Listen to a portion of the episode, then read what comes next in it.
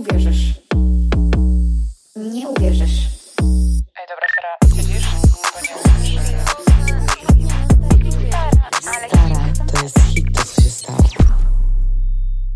Witajcie, Stara Słuchaj. Jest dzisiaj z nami Sylwia, która prowadzi podcast Ogarniam się. Dziękujemy Sylwia, że jesteś dzisiaj z nami. Dziękuję za zaproszenie. Opowiedz nam coś o sobie. No to cóż, właśnie tak jak wspomniałaś, w internecie słynę z tego, że prowadzę podcast, podcast Ogarniam się o intuicyjnym odżywianiu, rozwoju osobistym, dbaniu o siebie, e, w którym opowiadam, co tam można zrobić, żeby to nasze życie było pełniejsze, ciekawsze, no i aby przeżyć je w zgodzie ze sobą, więc tutaj z tego jestem znana, no a tak prywatnie, tak prywatnie to zajęłoby pewnie z godzinę, żebym opisała, kim jestem, także myślę, że tutaj pozostaniemy e, na tym, a jak ktoś ma ochotę, będzie miał ochotę po tej rozmowie mnie bliżej poznać, no to też zapraszam do siebie. Ciąg dalszy nastąpi. Tak, ciąg dalszy nastąpi. Sylwia, główne pytanie moje jest takie i wielu osób, które, z którymi rozmawiam i które do mnie piszą, to jak odnaleźć swoją drogę? Typu, mam 20 lat, nie wiem co robić, mam 30 lat, jest różnie i wszyscy są zagubieni albo czują presję tego, że muszą wiedzieć, co mają robić. Jak to było z Tobą? Mhm. No, ja też jestem cały czas młoda i cały czas poszukuję gdzieś tej swojej drogi, więc wydaje mi się, że to nigdy nie jest tak, że w życiu możemy tak jednoznacznie określić, ok, znalazłam swoją drogę. Możemy znaleźć tę drogę na jakiś czas i dla mnie właśnie tak jest, że ja na tym etapie swojego życia, w którym jestem, to faktycznie czuję, że wiem, co chcę w życiu robić, przynajmniej przez okres najbliższych pięciu lat. Potem to już jest dla mnie jedna wielka niewiadoma i wiadomo, y, niewiadoma, wiadomo, w życiu e, szybko plany się weryfikują i dużo się zmienia, więc wydaje mi się, że przede wszystkim, aby odnaleźć taką drogę, w którym kierunku chcę się zmierzać, trzeba poznać siebie. I to tak szczerze poznać siebie, żeby zobaczyć, jakie są nasze wartości, jakie są nasze priorytety co my w życiu lubimy robić, jak lubimy spędzać czas, z kim my lubimy spędzać czas i na tej podstawie dopasowywać to życie pod siebie. Bo ja uważam, że każdy z nas jest tak naprawdę kowalem swojego losu.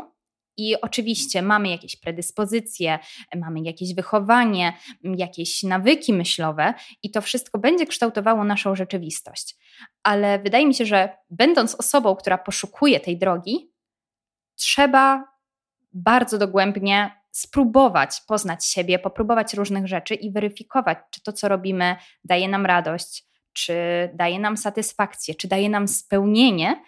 I wtedy jesteśmy tak naprawdę w stanie czasami wykluczyć rzeczy, które nam nie pasują, i dzięki temu jesteśmy bliżej do poznania tego, co na danym etapie życia faktycznie jest dla nas dobre. Piękna Twoja Sylwia, zasłuchałam się. dziękuję, dziękuję. Aż zabrakło słów. Masz 20 lat. Mniej. 18. O Boże, 18. tak, właśnie po maturze, dlatego i byłam Tak, taka, zaokrągliłam sobie i byłam taka, a 20, a potem myślę, nie, przecież Mentalnie czuję się czasami jakbym miała 50, także myślę, że tutaj akurat wiek czasami jest wyznacznikiem tylko tego, ile w życiu mogliśmy nawet nie doświadczyć, bo to nie ma znaczenia tak naprawdę. Czasami są osoby, które mają właśnie po te 40-50 lat i są bardzo zagubione i nie wiedzą, co chcą robić ze sobą w życiu. I to też jest okej. Ja wiem, że ja nie chcę takiego życia i bardzo wcześnie zaczęłam już pracować nad sobą, e, pracować nad tym, żeby faktycznie to moje życie potoczyło się tak, jak ja chcę i jak ja czuję. I na przykład mam coś takiego z tyłu głowy, że Jezu, na 30 to się w ogóle kończy życie. Ja do 30 roku życia muszę wszystko osiągnąć, bo... Sylwia mam 25. I know, I know, to było takie specjalnie zaczepne. Wiem. A jak miałam 18, to pomyślałam sobie, Boże, jak ja będę miała 25 lat, to ja będę mega bogata. To ja będę miała męża No, i tak dzieci, się właśnie i myśli mieszkanie. A nie jest tak, że każdy, każdy ma swój czas, wydaje mi się. Tak, zdecydowanie.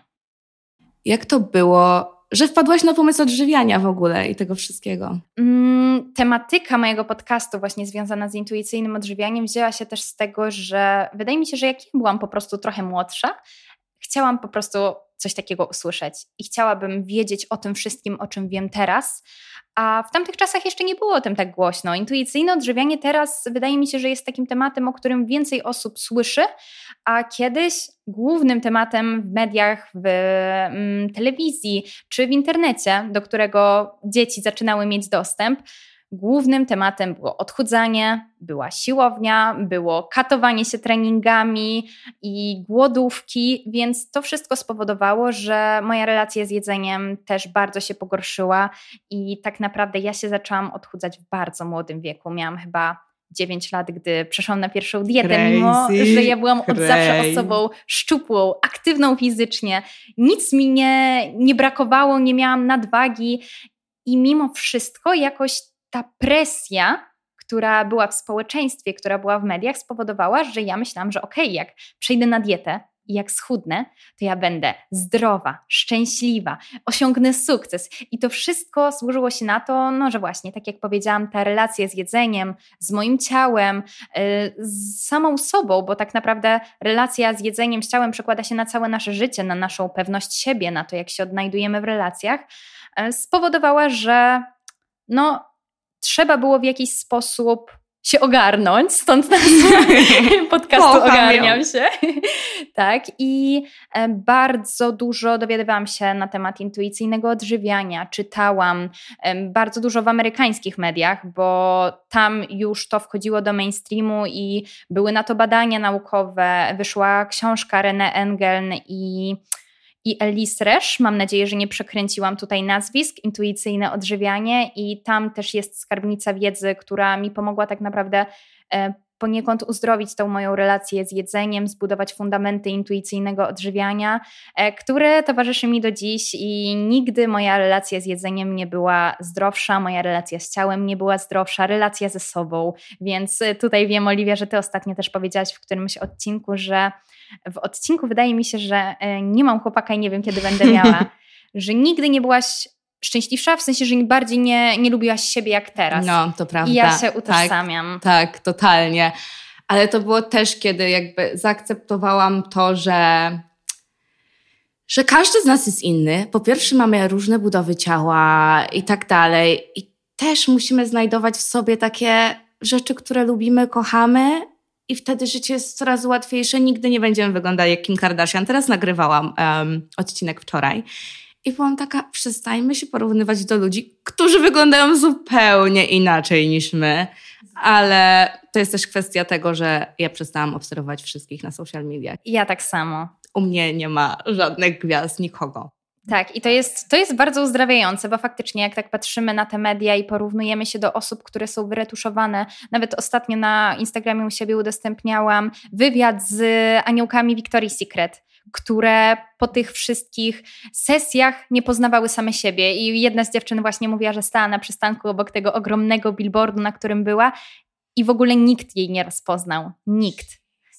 Tak, więc to są tego stopnia poprawki, że naprawdę to, co my widzimy w mediach niejednokrotnie w ogóle nie jest obrazem rzeczywistości, a nam się wydaje, że jest. Sylwetki, które widzimy, wyretuszowane twarze, ciała, a potem widzi się na przykład taką osobę w prawdziwym życiu i to nie jest ta sama osoba. No, muszę przyznać, że widziałam kilka gwiazd na żywo mhm. gdzieś i w internecie.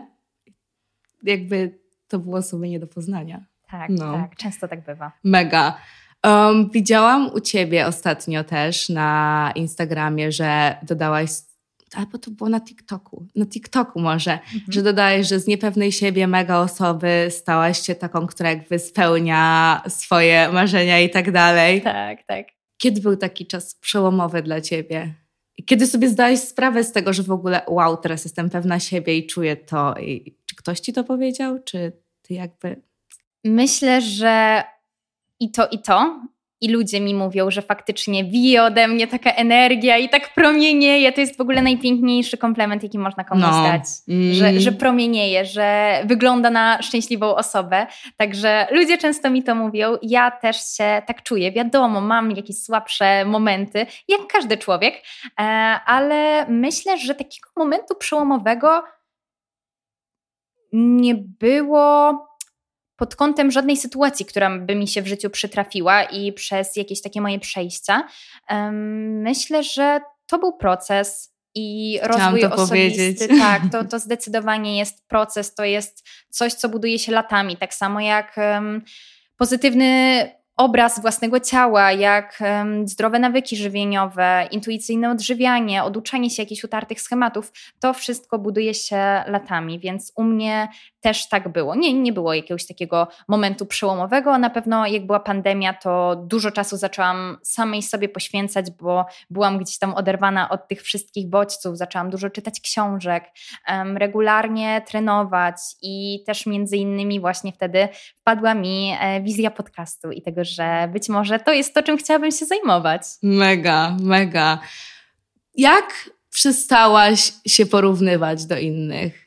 Hmm, to jest bardzo złożone pytanie, złożona tak, kwestia. w sensie jedno jest to social media, to było moje główne na Mhm. przykład, że byłam taka, plus potem, tak jak ci powiedziałam, każdy jest inny i musimy po prostu, to jest ta pewność siebie, to też jest budowanie tego i wtedy przestajemy się też porównywać. Wydaje mi się, że jest taki moment, że okej, ty Tak, jesteś, ja tak. jestem, ale Zdecydowanie. Właśnie to, co powiedziałaś, takie zrozumienie swojej wyjątkowości na pewno było ważną kwestią i powiedziałabym, że wręcz fundamentem e, do tego, aby przestać się porównywać. Mm, No i też zrozumienie właśnie, jeśli chodzi o social media właśnie, że to nie zawsze jest ten obraz, który em, jest w rzeczywistości. Natomiast jeśli chodzi o takie prawdziwe życie, wydaje mi się, że zrozumienie, że koniec końców rodzimy się sami, umieramy sami, mm, i to jest nasze życie, nasze wybory i to my ponosimy ich konsekwencje. mm, Skończymy szkołę, nie będzie już tych znajomych, których opinii się obawiamy, do których się e, porównujemy. I to nie będą osoby, które będą w jakiś sposób naszymi wyznacznikami. My nigdy też nie wiemy, co się dzieje w głowie drugiej osoby, więc nawet em, te celebrytki, czy też jakieś osoby, które nawet znamy i widzimy je w jakichś sytuacjach, nie wiemy, czy one się czują dobrze ze sobą, czy one są naprawdę szczęśliwe. I często przytaczam taki przykład, że ok, mamy na przykład jakichś biznesmenów, którzy zarabiają duże pieniądze, mają wszystko, a tak naprawdę oni są bardzo nieszczęśliwymi ludźmi. Bardzo często tak jest. Więc myślę, że zamiast porównywać się do innych, warto po prostu skupić się na sobie, na swoich relacjach i zrozumieć, że tak naprawdę to nie ma żadnego sensu. Co nam to daje? Zadać sobie takie pytanie: co nam to daje? Tak, dlaczego to robimy? Co z tego masz? I myślę, że tutaj to jest taka ważna kwestia. To jest też właśnie, tak jak mówię, bardzo wieloaspektowy temat i dla każdego to jest coś innego. A powiedz mi, jak u ciebie to wygląda? U mnie jest tak, że chyba na tyle zaczęłam być zajęta swoim życiem w pewnym momencie i to się zaczęło właśnie od tego stycznia, odkąd zaczęłam podcast, bo pracowałam, robiłam podcast i byłam taka, Jesus, ja nie mam czasu pomyśleć o tym, co chcę zjeść dzisiaj na kolację, więc gdzie ja w ogóle mogę mieć czas, żeby pomyśleć o tym, żeby się do kogoś porównać. I wydaje mi się, że jak przychodzi taki moment, w którym znajdujesz swój cel w życiu, to jakby jesteś tak skupiony na tym celu, każdego dnia wstajesz i wiesz, że budujesz życie swoich marzeń, wiesz, że jakby stajesz się tą kobietą czy mężczyzną, którym chcesz. I ja pamiętam, jak robiłam zdjęcia e, na okładkę podcastu i moja przyjaciółka była taka, Boże, jakie ładne zdjęcia, bla, bla, bla i tak dalej. Ja byłam taka, no. I potem ona mówi do mnie, wiesz, jak są tacy ludzie, którzy ustawiają sobie swoje zdjęcie na tapetę? Ja zawsze byłam taka, Boże, psycho. I zawsze sobie myślałam, że ci ludzie są nienormalni po prostu, że oni mają siebie na tapecie. A ja byłam taka, nie, ja sobie też ustawię siebie na tapetę. I chyba przez dwa tygodnie albo trzy miałam siebie na tapecie, bo byłam taka, jestem mega dumna z tej osoby, która tutaj jest. I jakby chcę na to patrzeć codziennie, o tym pamiętać. Nie, bo Mhm. myślałam, że Boże, wyglądasz tak pięknie i tak dalej, ale po prostu z samą osobą. I wtedy przestałam się porównywać, plus też jak czytałam książkę Emilii Ratajkowskiej, e, nie wiem, czy ją czytałaś, to Nie, moje nie, ciało. Jest spoko, ale nie jest jakaś mega. W sensie jest to ciekawa perspektywa, żeby zobaczyć, co ona czuła przez ten cały proces modelingu, jak zaczęła karierę i tak dalej, jaką presję miała na sobie, jak jej rodzina zawsze jej wmawiała, że uroda jest najważniejsza i tak dalej, i tak dalej. I ona opowiada o tym, że jakby miała wszystko, że latali na jakieś Malediwy, na wakacje ze swoim chłopakiem i że na tych wakacjach musiała robić zdjęcia, dodawać i tak dalej i miała te lajki I potem jakby oni siedzieli i ona nie czuła nic. Jakby nie czuła tego, że jest na wakacjach, nie była obecna, tylko patrzyła na te lajki. Albo jak na przykład była już ze swoim mężem, z tym, z którym się teraz rozstała, to powiedziała, że na tyle czuła się, że jest odłączona od swojego ciała, przez to jak wszyscy ją tak traktowali, że jak uprawiali seks, to ona czuła się jakby nie była w, w tym ciele i nie robiła tego. I na przykład musiała patrzeć w lustro, kiedy to robili, żeby czuć się, że to jest ona i to jest jej ciało. Więc jak myślimy o tym wszystkim, myślimy o tych gwiazdach, bo to jest chyba najczęstsze porównywanie. Wydaje mi się, że tak. Wydaje mi się, że właśnie jednak te wyidealizowane wizerunki w mediach, ale no to wiadomo, każdy pewnie też trochę inaczej to postrzega, ale to właśnie co zauważyłaś i opowiedziałaś o Emilii Ratajkowskiej, faktycznie to jest droga na manowce. Takie wartościowanie siebie, czy to tym, ile ważę, czy to tym, ile trenuję, czy to tym, jakie mam oceny, czy to tym e, właśnie, ile mam lajków, bo tak naprawdę co nam to w życiu daje, co nam to w życiu zmienia? Nic.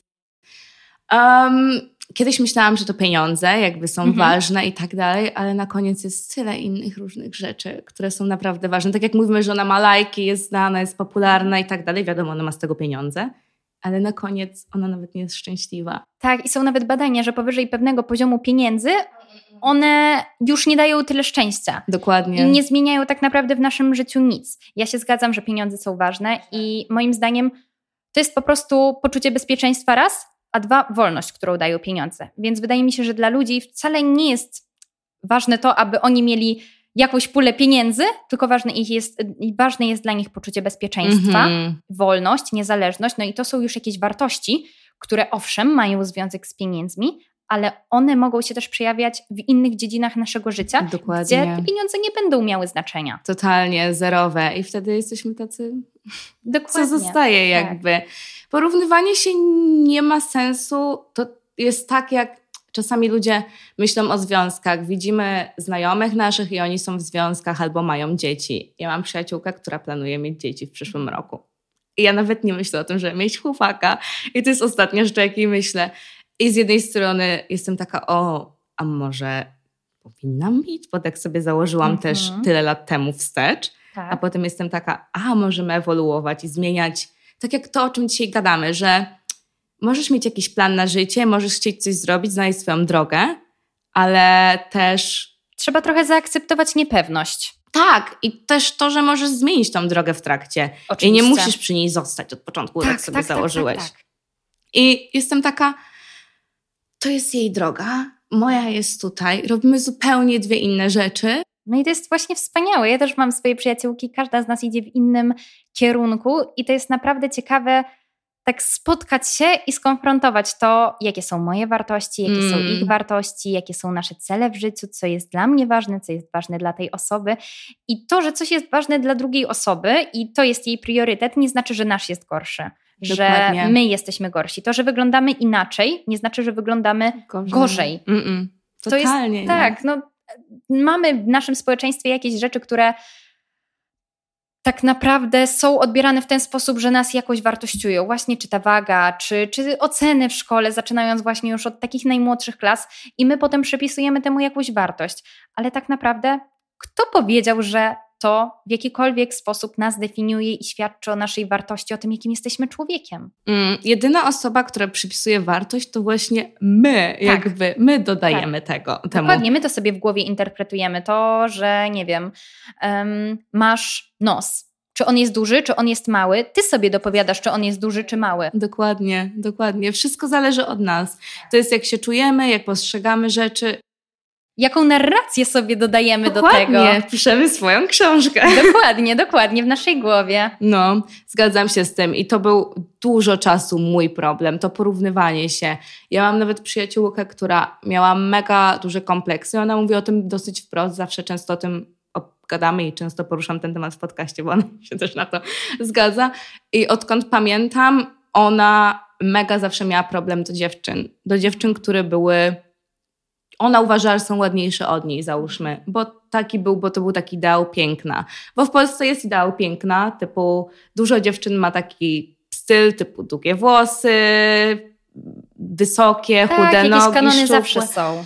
takie kanony i one się teraz trzymają i ona była taka, one tak wyglądają, ja tak nie wyglądam, ja nie chcę, żeby one tam przyszły. Mhm. Jakby nie chcę, żeby one tam były. I ja byłam taka stara, jakby ja się cieszyłam, w sensie ja miałam zawsze tak, że to było dla mnie fajne, że mogę wziąć koleżanki, które są ładne, będą się podobały chłopakom, więc spoko i tak dalej, że są zadbane, a ona za to miała coś takiego, że nie, że jakby ona nie da rady. I dopiero po nie wiem ilu latach, może po pięciu, udało jej się to pokonać, że dzisiaj przyznaje się do tego, że wtedy nie chciała z nimi spędzać czasu, nie chciała wychodzić, bo była taka, mm, nie, czuła się zagrożona. I ile razy gdzieś nie poszłyśmy, albo ile razy ona się nie bawiła dobrze, przez to, że miała taki mindset. Ale bardzo dużo dziewczyn ma coś takiego. Ja jak byłam młodsza też miałam takie myśli, jakoś starałam się je właśnie wyciszać, racjonalizować, ale to wszystko się bierze tak naprawdę z, niż, z niskiego poczucia własnej wartości, z niskiej pewności siebie, bo owszem, są piękni ludzie na świecie, w kanonach i oni będą, ale to, że oni są, nie jest dla ciebie zagrożeniem. Mm-mm, mm-mm. Jeśli my sobie zinterpretujemy, że w jakiś sposób to nam zagraża i będziemy się czuć gorzej przy tych ludziach, to tylko dlatego, że my sobie tak wmówimy. To nie jest tak, że oni nam zrobią krzywdę, że em, oni są wredni, chamscy i się obnoszą z tym, co mają. No nie, to my możemy postrzegać tych ludzi w ten sposób. A dlaczego my ich tak postrzegamy? No bo niskie poczucie własnej wartości, niska pewność siebie, kompleksy i tak naprawdę wszystko się w naszym życiu opiera o to właśnie, co mówiłyśmy, że my to w jakiś sposób sobie interpretujemy. Jeśli my się czujemy w swoim ciele źle, my się czujemy w sytuacji swojej życiowej źle, mamy niską pewność siebie, to też będziemy projektować to na innych ludzi. Nasze niepewności wyjdą u innych ludzi. Zazdrość skąd się bierze, e, właśnie takie porównywanie się, to, że czujemy się zagrożeni, jeśli jest ktoś ładniejszy. No. To nie zmienia nic w naszym życiu, ale my możemy naszym myśleniem bardzo dużo przez to sobie zabrać. Mm, to prawda. To prawda. To jest tak, jak właśnie też Ci wspominałam o tym, że koleżanka mi powiedziała o tych podcastach, że jakby o, są takie podcasty jak Twoje i tak dalej. Byłam taka, nie, nie są takie jak moje. Nie ma takich historii jak moich. Nie ma takiego, takiej energii, która bije ode mnie. Gorsza, lepsza. Takiego doświadczenia. Takiego doświadczenia, jakby każdy jest na swój sposób i nie widzę zagrożenia w tym. Mogłabym dzisiaj powiedzieć, mimo że nasze podcasty są inna tematyka, bo jest odżywianie, ale też mówimy o pewności siebie, mogłam powiedzieć nie, Sylwia nie, bo to jest moja konkurencja, nie. I ja nie chcę do niej pisać, nie chcę jej mówić, że mam fajny podcast. To bardzo dużo takich życiowych okazji i fajnych możliwości nam odbiera. Mm, mm, mm. No, w momencie, w którym właśnie, tak, dokładnie, dokładnie. To jest to, o czym mówiłyśmy. Ja na przykład też kiedyś miałam tak, że nie wychodziłam z domu, na przykład w weekend, bo czułam się grubo. I byłam taka, nie, to ja dzisiaj nie wyjdę. A potem zaczęłam sobie zadawać pytania, jakbym była szczuplejsza, to bym wyszła? I odpowiedź była tak. I byłam taka, Jesus, straciłam tyle weekendów, tyle okazji do poznania ludzi, spędzania fajnie czasu, przez to Tak naprawdę tyle swojego życia, energii, wyjazdów, możliwości. Ile razy na przykład dziewczyny mają tak, że nie pójdą na basen, nie pójdą się spotkać ze znajomymi, nie wyjadą gdzieś na wakacje, bo Na boją plażę, się, jak no. wyglądają w stroju kąpielowym. znam to. No, to też jest to, co moja przyjaciółka mówiła. I ona była w tym roku taka, w tym roku wyjdę na plażę. I ja mówię, dobra, zapraszam ze mną. A zupełnie inaczej się leży na plaży, mając serio tak wywalone na to, jak się wy wygląda. I w ogóle ty tam jesteś, żeby miło spędzić czas, żeby odpocząć, a nie żeby, nie wiem, być Miss Polonia, bo jakby nie o to chodzi. I rozejrzyj się też wokół siebie. Rozejrzyj się na ludzi na plaży. Stara. Mm. No. No. Ty możesz coś opowiedzieć o wakacjach, bo sobie wychillowałaś przede mną jeszcze. Wychillowałam, wychillowałam, byłam na Cyprze, e, właśnie niedawno wróciłam i było wspaniale. E, Pójście na plażę bez myślenia o tym, czy nie wystaje mi brzuch, bo zjadłam duże śniadanie, czy ludzie się na mnie nie patrzą. To jest tak wyzwalające doświadczenie. Tak wypoczęłam, bo kiedyś miałam coś takiego, że na przykład leżałam na plaży i ja cały czas myślałam. Napinałam brzuch, wciągałam go, w ogóle Ja nie mam się... czego napinać. Em, tak, właśnie jakoś leżałam w taki sposób, żeby ta sylwetka dobrze się prezentowała, a teraz, kurczę, jak się rozłożyłam, to po prostu można mnie tam było wynosić. I nigdy w życiu tak nie wypoczęłam. Też byłam właśnie z moimi przyjaciółkami, które z którymi też często poruszam na przykład ten temat i czuję się przy nich bardzo komfortowo. To też jest ważne, żeby otaczać się takimi osobami, które nie sprawiają, że my się na przykład chcemy do nich porównywać, nie sprawiają, że my się czujemy przy nich gorsi. To jest bardzo ważne, bo są ludzie, którzy niby żartem, niby nie, ale coś takiego powiedzą zaczepnego, że my automatycznie czujemy się przy nich gorsi. I że Mm, to są takie zabiegi, może nawet nieuświadomione przez nich, dokładnie. Mm. ale wbijają takie szpile. Więc to też jest ważne, żeby faktycznie na przykład otaczać się takimi ludźmi, przy których możemy czuć się sobą, yy, przy których wiemy, że jejku, ta fałdka na brzuchu, te rozlazłe uda, czy cokolwiek innego, nie sprawi, że na przykład oni zmienią o nas zdanie, bo tak nie jest. Nasi przyjaciele nie przyjaźnią się z nami dlatego, jak my wyglądamy. Nie, no nie, totalnie nie. Tak, więc to, to były wspaniałe wakacje. Czerpałam z nich pełnymi garściami, em, jadłam pyszne rzeczy, odpoczywałam, chodziłam w stroju kąpielowym, pewna siebie. Po mieście też zakładałam tylko pareo i w ogóle to jest super, bo kiedyś to by było dla mnie nie do pomyślenia. A teraz to jest coś, co przychodzi mi bardzo naturalnie, bo już nawet nie pojawiają się te myśli, które pojawiały się kiedyś. Faktycznie z czasem, to co nawet mówiłyśmy o tej drodze i o tym rozwoju osobistego, że to jest proces, tutaj tak samo to jest proces. To jest z każdym rokiem trochę inne doświadczenie, bo my jesteśmy w innym miejscu naszy, w naszym życiu, mamy inne doświadczenia i to faktycznie też będzie się zmieniało. Boże, Sylwia, piękne słowa. dziękuję, dziękuję. Tak mi się miło tutaj z Tobą rozmawia. Możesz zostać dzisiaj na noc. No, możemy, możemy. Mam wolne łóżko z tyłu, widzisz. Mm, to jest mega, prawda? Jakby to, jacy ludzie są wokół nas i to jest w każdej jakby aspekcie, dziedzinie, to, kto nas otacza, jest tak ważne. Miałaś kiedyś takie relacje, które Cię tak ciągnęły w dół? Mm, Mój ojciec. Mhm. Mój ojciec. A Najbliższa teoretycznie Ci osoba. Tak. E, I też coś takiego panuje u nas w, ogólnie w społeczeństwie. Znam dużo osób, które są takie, nie, jak to jest rodzic, to ty musisz go szanować, to ty musisz słuchać, ty nie możesz się odciąć, nie możesz nic powiedzieć. I ja byłam taka, nie. Jeśli to jest rodzic, który cię ciągnie w dół i cię dobija, to nie. Jakby nie ma opcji. I to była taka najbardziej toksyczna osoba w moim życiu, ale po prostu pozbyłam się jej. I żyję 100 razy jakby szczęśliwszym życiem, lepszym, bez tego, że ktoś mi dogryza, że o nie wiem, przytyłaś. I ja pamiętam, jak byłam kiedyś w Bułgarii, chyba miałam 17 lat i wróciłam z wyjazdu i wtedy już miałam, powiedzmy, lekką nadwagę. Um, I mój ojciec mnie odebrał właśnie z tego wyjazdu i był taki, o, przytyłaś. Ja byłam taka, po pierwsze, to jest w 7 dni jak bardzo mogłam Tak, przytyć. W cześć, sensie- też miło Cię w ogóle widzieć. Dwa w ogóle, Jesus! I to jest straszne. I to było dużo takich sytuacji. Też opowiadałam kiedyś w podcaście, że e, mój ojciec mi powiedział, że jakbym schudła, to bym się podobała wszystkim i tak dalej. Właśnie słyszałam o tym i to jest właśnie coś, co buduje nam takie przekonanie, że okej, jak będę szczupła, to będę atrakcyjna, to będę zasługiwała na miłość, to będę miała szczęśliwe życie. A Mm. to wcale tak nie jest. Wcale tak nie jest. Możesz mieć depresję i być piękna i nie wychodzić z domu i wszystkie okazje Tak. ci przepadną. Możesz mieć zaburzenia odżywiania i być najszczuplejszą osobą na tym świecie i po prostu mieć badziewne życie. Mm, dokładnie. Więc jakby z takich osób to myślę, że był mój ojciec. Tak, Mhm. że dokładnie tak jak powiedziałaś, ale poza tym przyjaciele nie. Właśnie staram się otaczać takimi ludźmi, którzy ja mega dużo mówię komplementów. Po Mhm. prostu jak patrzę na kogoś, ktoś ładnie wygląda, to jestem taka, o, tak jak dzisiaj tobie, no Tak, tak, przepięknie było wyglądasz, jak miłe. przyszłaś i byłam taka... I nie stopuję się przed tym, lubię to. I też chcę takich ludzi, nie tacy, którzy mi słodzą, mówią, o Boże, ładnie dzisiaj wyglądasz, albo, ale tacy, którzy szczerze jakby mówią coś i nie próbują nie dobić, nawet jeśli coś, to też sposób, w jaki ktoś coś mówi, nie? Na przykład, Tak. okej, Jaka jest za tym intencja? tak, na przykład, nie wiem, um, mam przyjaciółkę, która kiedyś mi powiedziała, że, że mam za długie rzęsy. Okej, przyznam, wtedy tak było i nie posłuchałam jej. Albo nie wiem, jak robiłam sobie usta, to raz mi kwas wypłynął. I ja tego nie zauważyłam. Moja przyjaciółka do mnie pisze, mm, to robiłaś sobie usta? Ja byłam taka, nie?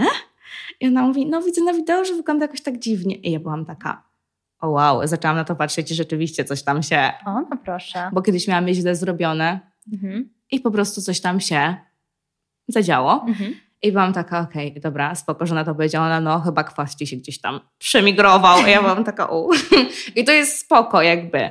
Ale tak, żeby kogo sobie podbudować samoocenę, żeby tak powiedzieć, albo jakieś takie rzeczy, które totalnie nie mają związku, typu ta waga z Mhm. życiem i tak dalej, bez sensu. Nie. Tak. No właśnie przyjaciół też mamy ten przywilej, że sobie wybieramy. Wybieramy Dokładnie. sobie ludzi, którymi się otaczamy, z którymi budujemy jakieś bliższe relacje. Rodziców, rodziny często nie wybieramy, ale jeśli jesteśmy już osobą dorosłą, świadomą, to są pewne środki, które możemy podjąć, aby na Dokładnie. przykład ograniczać te interakcje i moim zdaniem też nie ma w tym nic złego, e, jeśli druga osoba cię krzywdzi i nieważne, czy to jest rodzic, czy to jest znajomy, czy to jest ktokolwiek inny. Jeśli ktoś nie szanuje Twoich granic, jeśli je przekracza, jeśli Cię krzywdzi, to nie ma znaczenia, czy to jest Mm. rodzina, czy nie. Mm-mm, totalnie, zgadzam się. Jest milion przypadków, w których słyszymy, że były jakieś sytuacje, już pomijając słowną taką przemoc, ale inną przemoc, gdzie rodzic coś robił i nikt nie reagował i to się kończyło tragicznie. I co, dlatego, bo jest rodzicem? I jakby i w sądach tak jest i tak dalej. Nie każdy sobie wybiera, żeby być rodzicem. Czasami naprawdę rodzicami zostają osoby, które nie powinny być tymi Dokładnie, rodzicami. Nie dokładnie. powinny mieć dzieci. Mm. No, powinno być jakieś przeszkolenie, jakieś testy na rodzinę. Tak, kursy, kursy, testy Kursy. na zostanie rodzicem. Dokładnie. Jak ludzie adoptują dzieci, to przychodzą mega długie kursy. Znam parę, której to zajęło właśnie półtorej roku i no oni bardzo dużo przeszli, żeby jakby zdobyć Ja właśnie ostatnie dni spędziłam na robieniu takiego ala szkolenia kursu, ponieważ jadę teraz do Stanów, będę au pair, przez rok będę się opiekowała dziećmi. E, tam mam 7 i 13 latka, ale musiałam odbyć też kurs z wychowywania dzieci młodszych. I naprawdę to, jaki wpływ ma traktowanie przez nas dziecka, przez rodzica dziecka na jego psychikę, na jego przyszłość, jest zatrważające i ja naprawdę bardzo się cieszę, że nie wybrałam sobie rodzinki z młodszym dzieckiem, Mm. dlatego że to jest ogromna odpowiedzialność i ja na przykład na tym etapie mojego życia kompletnie nie czuję się na to gotowa, bo to naprawdę można ukształt- ukształtować albo skrzywdzić drugiego No. małego człowieka. I to jest też dosyć nowa sprawa. Kiedyś po prostu rodzicami zostawały osoby, które nie były tego świadome, no bo nie było też na to żadnych badań, to nie było tak powszechnie dostępne. No a teraz już ta wiedza, ta świadomość jest większa i to naprawdę ma potężny wpływ na człowieka, jak jest wychowany. Więc potem właśnie ludzie są na terapiach, bo też na przykład ich dzieciństwo nie było cukierkowe. I zdarza się, nie mamy już wpływ na naszą przeszłość. Każdy ma jakieś dzieciństwo, każdy ma jakieś traumy, każdy ma jakieś problemy, no ale potem już odpowiedzialnością dorosłego człowieka jest to, aby sobie jakoś z tym poradzić, aby nie wpływało to na jego życie, bo my okej, możemy obwiniać wszystkich. Możemy Mm. obwiniać rodziców, cały świat, znajomych, nas samych, ale co to nam daje? Czy to wprowadza jakąś zmianę w nasze życie, czy to poprawia jakość naszego życia? Totalnie. Zgadzam się z tym obwinianiem całego świata, że to jest tylko już w naszych rękach. Bo ja miałam długo takie myślenie, że na przykład, no długo, w zeszłym roku na przykład byłam taka, dlaczego przydarzyło mi się to, to i tamto. I byłam taka, Oliwia, a po prostu widziałaś, że coś jest nie tak, ale i tak jakby brnęłaś w coś, tak jak mówiłam o złamanym sercu i tak dalej. Y, Gdzieś, gdzie nie widziałam w ogóle tych wad mojego byłego chłopaka, albo właśnie miałam nieprzepracowane rzeczy z dzieciństwa i wiedziałam to. I ktoś mi kiedyś powiedział, jak chcesz iść na terapię, no to musisz poczuć, że chcesz na nią iść. I ja długo nie czułam tego. I wtedy, pamiętam, że był taki moment właśnie po tym rozstaniu pierwszy, jeszcze przedtem się z, chłopak, z takim chłopakiem spotykałam. Byłam taka, okej, i byłam taka, to jest ten moment, w którym chcę iść na terapię, jesteś nieprzepracowany z moim ojcem, z mojego dzieciństwa. I jestem taka, I widziałaś na przykład wpływ tego na jakieś swoje relacje? tak, no, mój ojciec był mega nieobecny. On wracał, pojawiał się i tak dalej. I zawsze jakby jemu brakowało wiary we mnie. Nie wiem, jak to jest, ale jak na przykład przez chwilę miałam swoją markę z ciuchami, to był taki, no, ale jak nie wyjdzie, to coś tam. Od razu tak A zakładał. ja byłam taka, mm, okej, to może nie mam ani do tego zdolności, albo nie wiem. Um, no i tak, no i potem zawsze chciałam imponować tym mężczyznom, z którym się spotykałam, jaka jestem ogarnięta, jak umiem zrobić to, to i tamto. E, no i też lubiłam takich, którzy dawali mi taki roller coaster, że po prostu tutaj trochę, tam trochę i no, tak było. E, ale spoko, no właśnie o to chodzi. Bierzemy potem odpowiedzialność za swoje czyny i czyny innych też niestety. Ale no, to od nas zależy, co zrobimy dalej z życiem. Nikt totalnie. Wiadomo, że są jakieś wypadki, które chodzą i jakieś rzeczy, na które nie mamy wpływu. Tak, są też choroby, tak? No, to, co na przykład teraz mówimy, też nie będzie miało zastosowania do osoby, załóżmy, która choruje na depresję i która Tak. się liczy klinicznie. Mm. To też myślę, że warto podkreślić, że my jednak to, co mówimy i to, co ja mówię w całym swoim podcaście i to, co teraz właśnie tutaj zostało powiedziane, to też ma zastosowanie dla szerokiej grupy osób, ale wiadomo, to nie jest coś, co każda osoba będzie w stanie wprowadzić w życie, bo są różne przypadki. Zgadzam się z tym. Są, jest, nie da się czegoś gener- generalizować, tak? Tak, tak. Nie da się tego zrobić, bo zawsze będą jakieś i tak, tak, wyjątki, oczywiście. Dokładnie, zgadzam się w 100%. My tu mówimy ze swojego doświadczenia po prostu i to, co u nas się sprawdza, u naszych przyjaciół, znajomych i ludzi, których pewnie też spotkałyśmy na swojej drodze. Długa droga. Długa droga, Może długa już droga. dzisiaj syl. A jeszcze tyle przed nami. No wiem, to jest ekscytujące. No, to jest super. I ja w ogóle też miałam coś takiego, że kiedyś bardzo chciałam się tak wcisnąć w jakąś szufladkę i już iść takim właśnie tym utartym szlakiem i em, być jakiegoś stanowiska cały czas. A teraz widzę, jak wszystko się zmienia i jak to szybko się zmienia, że ja na przykład rok temu miałam inne opinie na dany temat, że to ewoluowało, że ja się zmieniłam i to jest okej, zmiana jest okej, to, że my będziemy zmieniać nasze zdanie, nasze wartości się troszeczkę będą zmieniały, nasz cel w życiu, to to jest wszystko okej i myślę, że to jak najbardziej też trzeba normalizować. Totalnie okej. Totalnie zmiany są w porządku. Zmiany są dobre nawet. Serio, dają nam taki zapalnik. Czas może coś wyjść ze strefy komfortu albo coś zrobić. Tak, i Totalnie. jak poznajemy siebie też, no to właśnie za pięć lat pewnie jakbyśmy miały taką rozmowę, to zupełnie inaczej Nie mogę ona się doczekać. wyglądała. tak, za pięć lat powtarzamy. I zupełnie inne odpowiedzi byłyby na te pytania, no bo miałybyśmy inną perspektywę. Mm, no, totalnie, zgadzam się. Ale to jest super. I to jest super mówić o tym, że możemy to zmieniać. To jest okej i to jest okej nie wiedzieć. Tak. Wszystko jest okej, najbardziej. tak naprawdę. Tak, tak. Życie to jest ciągły proces, nie trzeba mieć wszystkiego ułożonego od A do Z, no bo nikt tak naprawdę nie ma wszystkiego ułożonego od A do Z, bo nigdy nie wiadomo, co się stanie. Ja też nie wiem, czy mnie tir na pasach jutro nie potrąci, także moje plany, okej, one jakieś są, Możesz ale... tylko, żeby nie na mojej wsi. E, Odpukam, odpukam.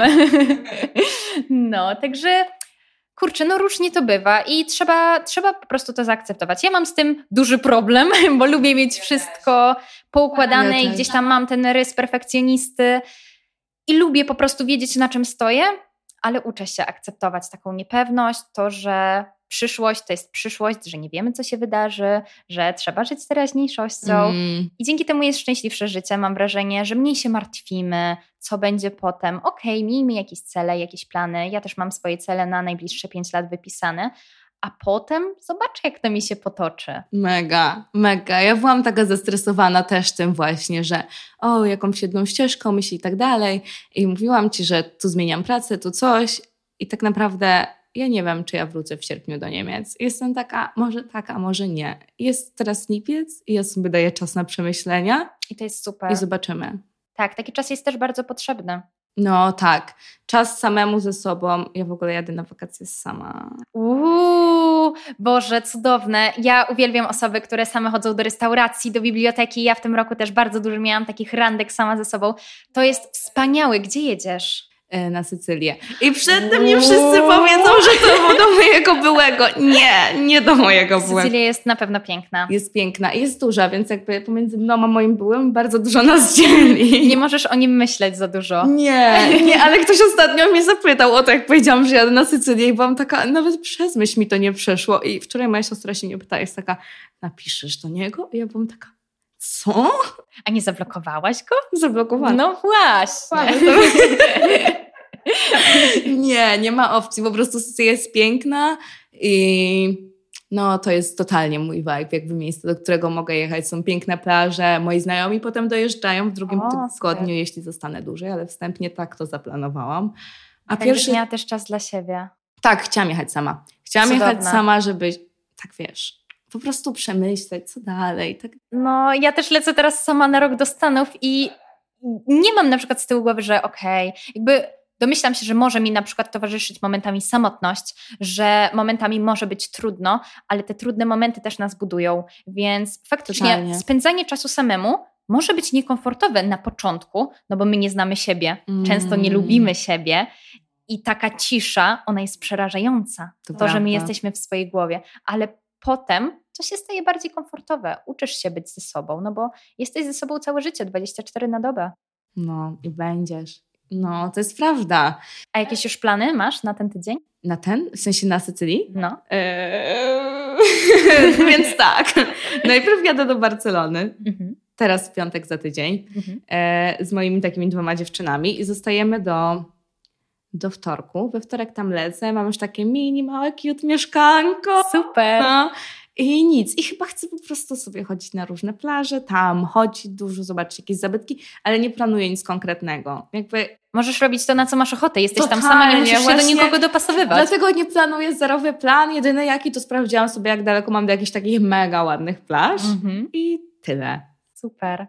I tak sobie zaplanowałam. O Jezu, czekam, czekam po prostu na relację. Ben, o, będą, będzie dużo relacji. Może jakaś miłość. Nie wiem, powiedziałam sobie tak, pojadę na tydzień, a może zostanę na dwa, bo może poznam kogoś. Tak, trzeba mieć otwartą głowę, nigdy nie wiadomo. Twarda głowa totalnie, także zobaczymy. No i to tyle w sumie chyba z tego mojego planu. Sylwia, ostatnie pytanie do dzisiaj do ciebie. Dobrze. Jak przełamać ten strach, żeby wejść w te social media, ktoś chce coś robić, jakby jakaś taka rada, albo jak u ciebie to było? Ja mogę powiedzieć tak dla osób, które potrzebują szybkiej rady, bać się i robić. O, love. A dla tych, które potrzebują głębszego wejścia w ten temat, po pierwsze zdać sobie sprawę z tego, czy to jest faktycznie to, co my chcemy robić. Mhm. Jeśli tak, jeśli ty czujesz, że bardzo chcesz to robić, to kolejne pytanie mi się nasuwa: dlaczego? Mhm. I jak sobie już odpowiesz na to pytanie, to zadaj sobie następne pytanie: dlaczego? I trochę w tym podłubać, żeby faktycznie znaleźć taki prawdziwy cel tego, co my robimy.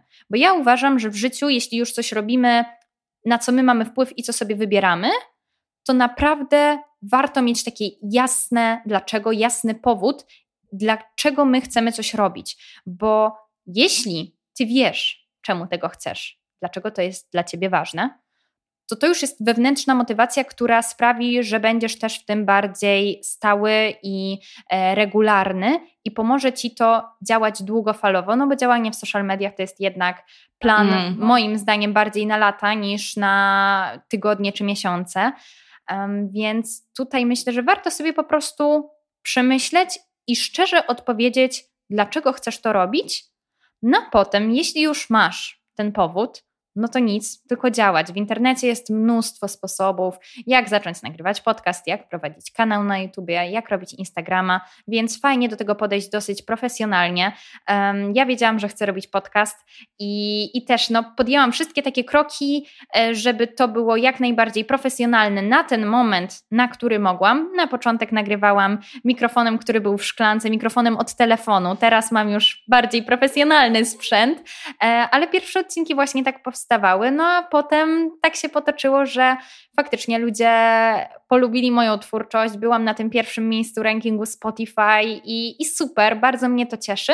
No ale teraz już na przykład skończył się ten moment chwilowego fejmu i co, mam przestać to robić, bo już, nie wiem, nie jestem w tym rankingu w pierwszej trójce? No nie, ja wiem, dlaczego to robię i dzięki temu nie przestałam.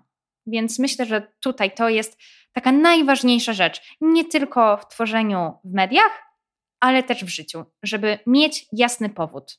Tak, totalnie, zgadzam się. Zadać sobie pytania. Najlepsze jest zadawanie sobie pytań Tak, i odpowiadanie na nie. Mhm. To jest Bo technicznie to jest bardzo proste. Jakby ty wiesz, że możesz wstawić posta na Instagrama, robić o czymś em, kanał na YouTubie, nagrywać o czymś podcast. To nie jest budowa rakiet. To jest Nie. naprawdę proste.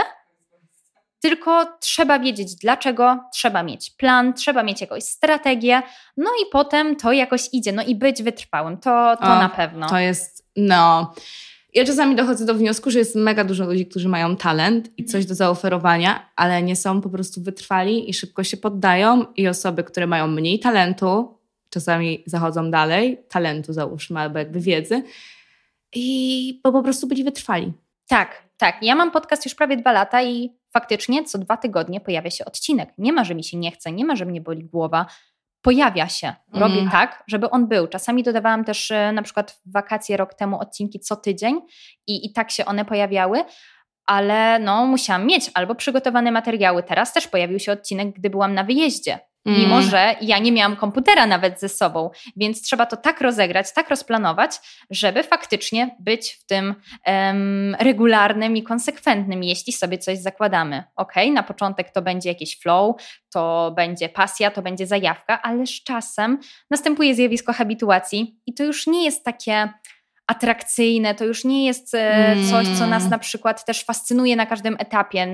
Dla mnie na przykład montaż na początku, montaż podcastu, to była turbo zajawka, to była dla mnie atrakcja i bardzo, bardzo lubiłam to robić. Teraz no już przyzwyczaiłam się do tego, wiem jak to wygląda, wiem, że to jest po prostu jakaś czynność, którą muszę zrobić, potem wgrać ten podcast, dodać te posty i dla mnie na przykład tworzenie podcastu jest najfajniejszym etapem, mówienie, ale jednak to jest na przykład, jak my tu y, mówimy teraz już, no powiedzmy, nagrywamy te 45 minut. Ok, to jest 45 minut materiału, który potem trzeba przez kilka godzin obrobić, potem trzeba e, wrzucić to na te wszystkie platformy, potem trzeba to jakoś na przykład rozpromować, wrzucić post na Instagrama i ludzie sobie często nie zdają chyba sprawy, że to nie jest też takie cukierkowe. To jest jakaś praca, którą ty musisz w to włożyć.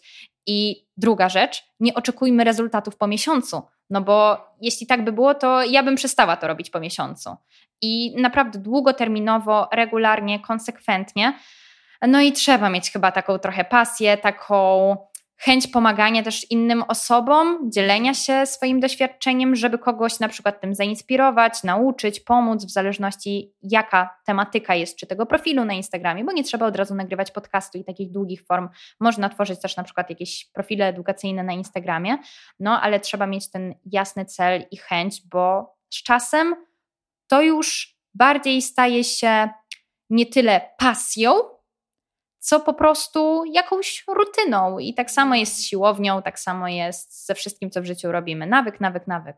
Nawyk, nawyk, tak, to jest też moje słowo, klucz, uwielbiam je, bo nawyki budują wszystko, pewność siebie Tak. I, i to naprawdę jest One budują całe nasze życie. Też nawyki myśleniowe, tak? To też są nawyki, które my mamy i które możemy zmieniać. Ja kiedyś też na przykład bardzo dużo narzekałam, a teraz właśnie to też, co mówiłyśmy, żeby nie obwiniać całego świata. Ja też mam w swoim życiu bardzo dużo trudnych doświadczeń, które mnie ukształtowały i sprawiły, że jestem teraz w tym miejscu, w którym jestem, ale ja wybieram, że na przykład jak mam jakąś sytuację trudną, wczoraj załóżmy, o, byłam na meczu tam e, i, i po prostu widziałam sytuację, okej, dobra, może nie, nie będę tego tak owijała w bawełnę, po prostu byłam na meczu, e, mój brat upadł, e, tam coś sobie zrobił z kostką i jakby podeszłam tam, pytam się, co tam, jak tam i okej, ta kostka jest jakoś tam uszkodzona, spuchła, ale nie jest to bardzo poważna kontuzja. I moja na przykład myśl w tym momencie to nie było, o nie, masakra, po prostu tragedia się stała, jest bardzo źle, e, tutaj kostka do szpitala, tylko o, dobrze, że to nic poważnego. I żeby na przykład w tych wszystkich takich sytuacjach, nawet trudnych, które nas spotykają, żeby skupiać się na tych pozytywach, a nie na negatywach. To jest proces, ale z czasem faktycznie zaczynasz się skupiać na tych pozytywach. I, I pierwsza myśl, która przychodzi ci do głowy, to jest ta: O, jestem wdzięczna, że na przykład jest to i to, a nie, że nie ma tego i tego. Jestem wdzięczna, że mam dom, mam jedzenie, mam rodziców, mam bliskich, a nie, że o nie, moi rodzice są tacy, mój dom mógłby być większy, ja mogłabym jeździć lepszym autem, mieć więcej pieniędzy, y, mieć lepsze dzieciństwo. Zawsze mogłoby być też gorzej. Więc tutaj myślę, że warto po prostu się skupiać na tych. Podoba mi się to, jak ujęłaś właśnie to zdanie, że powiedziałaś, o dobrze, że nic, nic niegorszego się nie stało i tak dalej. To, jak mówimy właśnie też do nas, ogólnie jakich słów używamy, to wpływa na nasze myślenie automatycznie. Jak... To nie zmieni sytuacji, jakby ta kostka i tak i tak jest uszkodzona, ale po co masz się dobijać Tak. tym i smucić i żeby to wpływało po prostu na cały potem twój dzień i tydzień i życie, skoro do tej samej sytuacji możesz podejść optymistycznie, pozytywnie i zupełnie inny mental jest, zupełnie inne postrzeganie tej samej sytuacji, mimo że Mm. ona nie zmieni się, ona jest dokładnie taka sama, tylko my w głowie nadajemy jej jakiś wydźwięk, czy to będzie pozytywny, czy negatywny. No. Tak, Sylwia, od ciebie bije dużo pozytywnej energii, przyznam. To jesteś uśmiechnięta i wyglądasz przez to tak pięknie i w ogóle, no ja jestem zakochana. Niestety nie wybieram dziewczyn na razie, może jeszcze jedno złamane serce i Nie wiem, odezwę się za rok. Dobrze, dobrze, słyszymy się, jesteśmy w kontakcie. Ale- Zapraszam, zapraszam do Stanów. Tak, o Boże, nie no Sylwia, przestań mi o tym mówić, bo ja naprawdę chcę tam polecieć. Naprawdę to jest bardzo możliwe, zwłaszcza... Chcieć to znaczy móc. No tak, tak, tak. Jesus, złapałaś mnie na własne rzeczy. Zobaczymy, ale jest taki plan, przyznam, to jest gdzieś w mojej głowie. Życzę, żeby się spełniło. No, e, będziesz tego częścią moich spełnionych dobrze, zapraszam. marzeń. Sylwia, czy chciałabyś coś jeszcze dodać dla naszych słuchaczy? Um, hmm, co bym mogła dodać? Yy, chyba mogę przekierować po prostu do mnie, jeśli ktoś chciałby zgłębić to co, to, co mówię, co tutaj przekazuję, jeśli rozmowa go jakoś zainteresowała. Także podcast Ogarniam się, Instagram Ogarniam się, Podłoga Podcast, TikToka też tam mam, czas- czasem coś Mama. wrzucę. Widzę, widzę. Tak, także jeśli ktoś teraz potrzebuje tego typu wsparcia, tego typu treści, to zapraszam. A tak to życzę pięknego też dnia, y, tygodnia, czy kiedy tam tego słuchacie. No i wierzcie w siebie, bo naprawdę każdy z nas ma bardzo duży potencjał, tylko to jest wszystko w naszej głowie i trzeba sobie tak poukładać, żeby było po prostu to dobre dla nas. Zgadzam się w stu procentach. Sylwia, jesteś cudowna, dziękujemy. I ja również bardzo dziękuję, to była cudowna rozmowa. to była cudowna rozmowa. E, wszystko załączę, linki do Twoich profili u siebie w opisie, także wszyscy mogą wpadać, obserwować dziękuję. Sylwię i zostać jedną z jej fanek, tak, albo fanem. Nie, nie fanek, słuchaczek. Słuchaczek. Ja jestem fanką trochę. Także zapraszam, kochani, i słyszymy się za tydzień. Buziaki. Stara, nie uwierzysz.